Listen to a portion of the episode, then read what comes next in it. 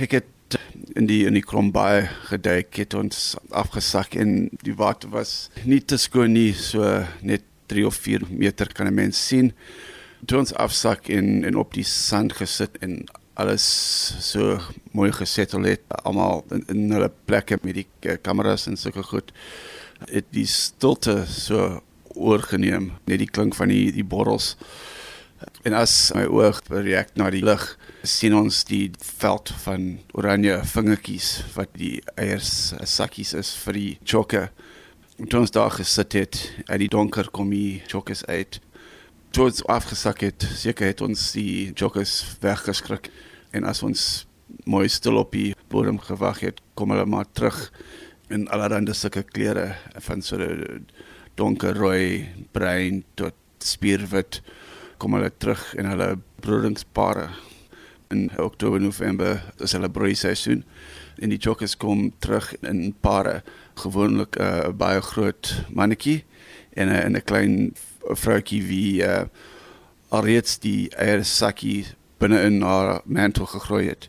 Toe die man die sakkie bevrug het sak die vroutjie vloer toe tussen in die ander eiers wat daar lê en dan release hy die sakkie uit en kom terug en begin die proses alweer. Ons gesels nou met 'n uh, Russell Sadler. Hy is mede-eienaar van 'n marine logistieke maatskappy wat ook onder meer fotograwe en wetenskaplikes moes uitneem na die seebodem sodat die chokka, dis nou die inkvis of op ons bord die calamari, sodat hulle broeigewoontes ehm um, nagevors kan word en afgeneem kan word. Maar Russell, nou is dit so dat as die wyfie klaar haar eiers gelê het of tydens die bevrugtingsproses van haar eiers, is die vyand ook maar oral. Ja, daar's allerhande vyande wat vir die mannetjies en die vroutjies lê om hulle te vat. Die skeertandhaai is baie op die seevloer. Hulle wag by die eiervelde om die mannetjies en die vroutjies te vreet.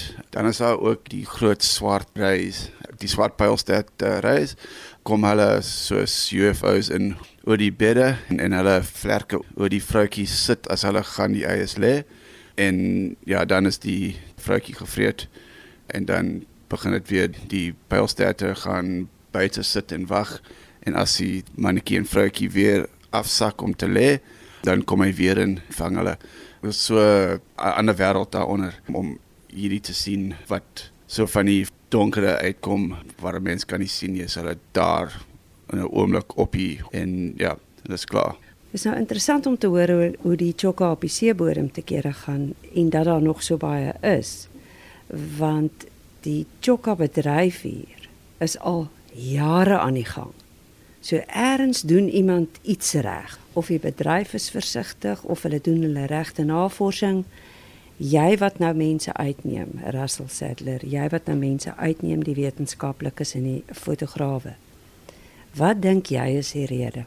Ek glo beslis die rede dat die chokkebedryf nog so sterk is, is die navorsing en die biomass management wat die chokkeboot eienaars met die wetenskaplikes hand in hand werk. Daar's baie geld wat ehm um, daar so levy wat uh, elke kilo chokke wat gevang is en verkoop is.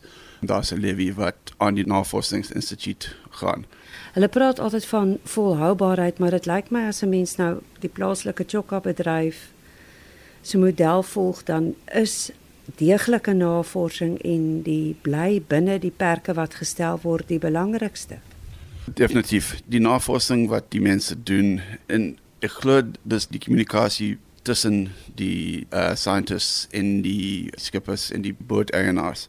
Wat dit so volhoubaar maak, is die, die kommunikasie tussen die scientists en die industrie. Die interessante ding is die employment wat die die bedryf aan die, community stel. Dit is baie geld wat in die community gaan. 'n uh, Ander interessante ding is die spesifieke chokke wat ons hier kry.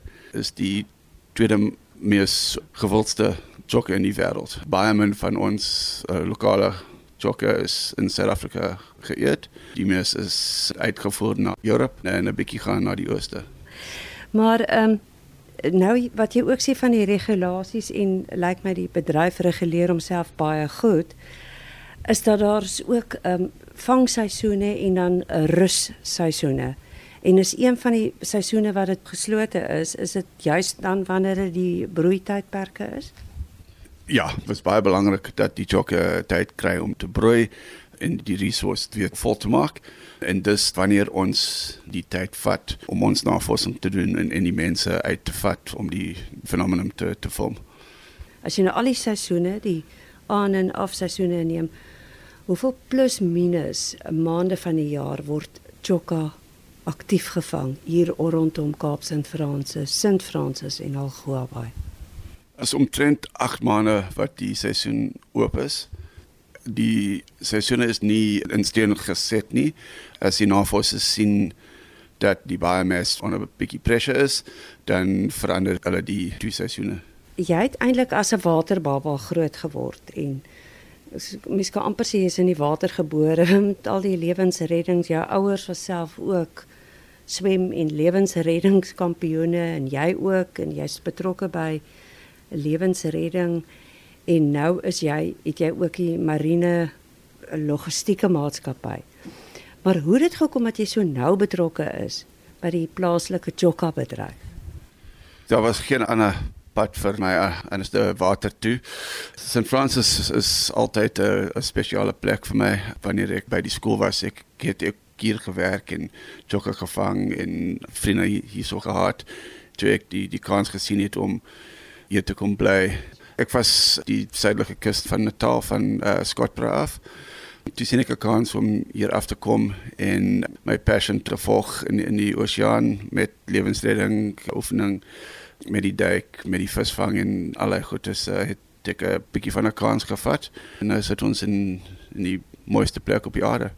En die tweede mooiste plek is seker nou die seebodem wanneer dit nou broeiseisoen is. As hy chokke en allerlei klere inkom en jy weet dat jy is een van 'n paar mense op die aarde wat die ding gesien het, is is dit baie spesiaal. Die span met wie ek werk het vir die laaste 10 jaar of so met die chokke gewerk. Ek het so 2 jaar gelede ingekom. My vriende het my gesê wat ek sal sien daaronder. Toe klim ek in die water en ons sakbodem toe met die scuba cylinders. Uh was ek nie gereed vir die spektakel. Almal het vir my gesê, my partners het vir my gesê dis wat ons gaan sien. Toe sak ons onder in die stilte en die waterkleur en die kleur van die chokkes en die eiers met die predators en en allerlei goedes. Ek kan nie sê hoe, hoe life changing dit was. Dit mens voel dit diep binne. Ek kan sien jy raak nou sommer hier heeltemal bewoe. Ehm um, dit is dan eintlik jammer dat hulle so gevang en opgeëet moet word, maar ehm um, sien jy nog 'n goeie toekoms vir hierdie bedryf van die Oos-Kaap? Gaan dit nog geruime tyd aanhou of is daar 'n paar gevaartekens?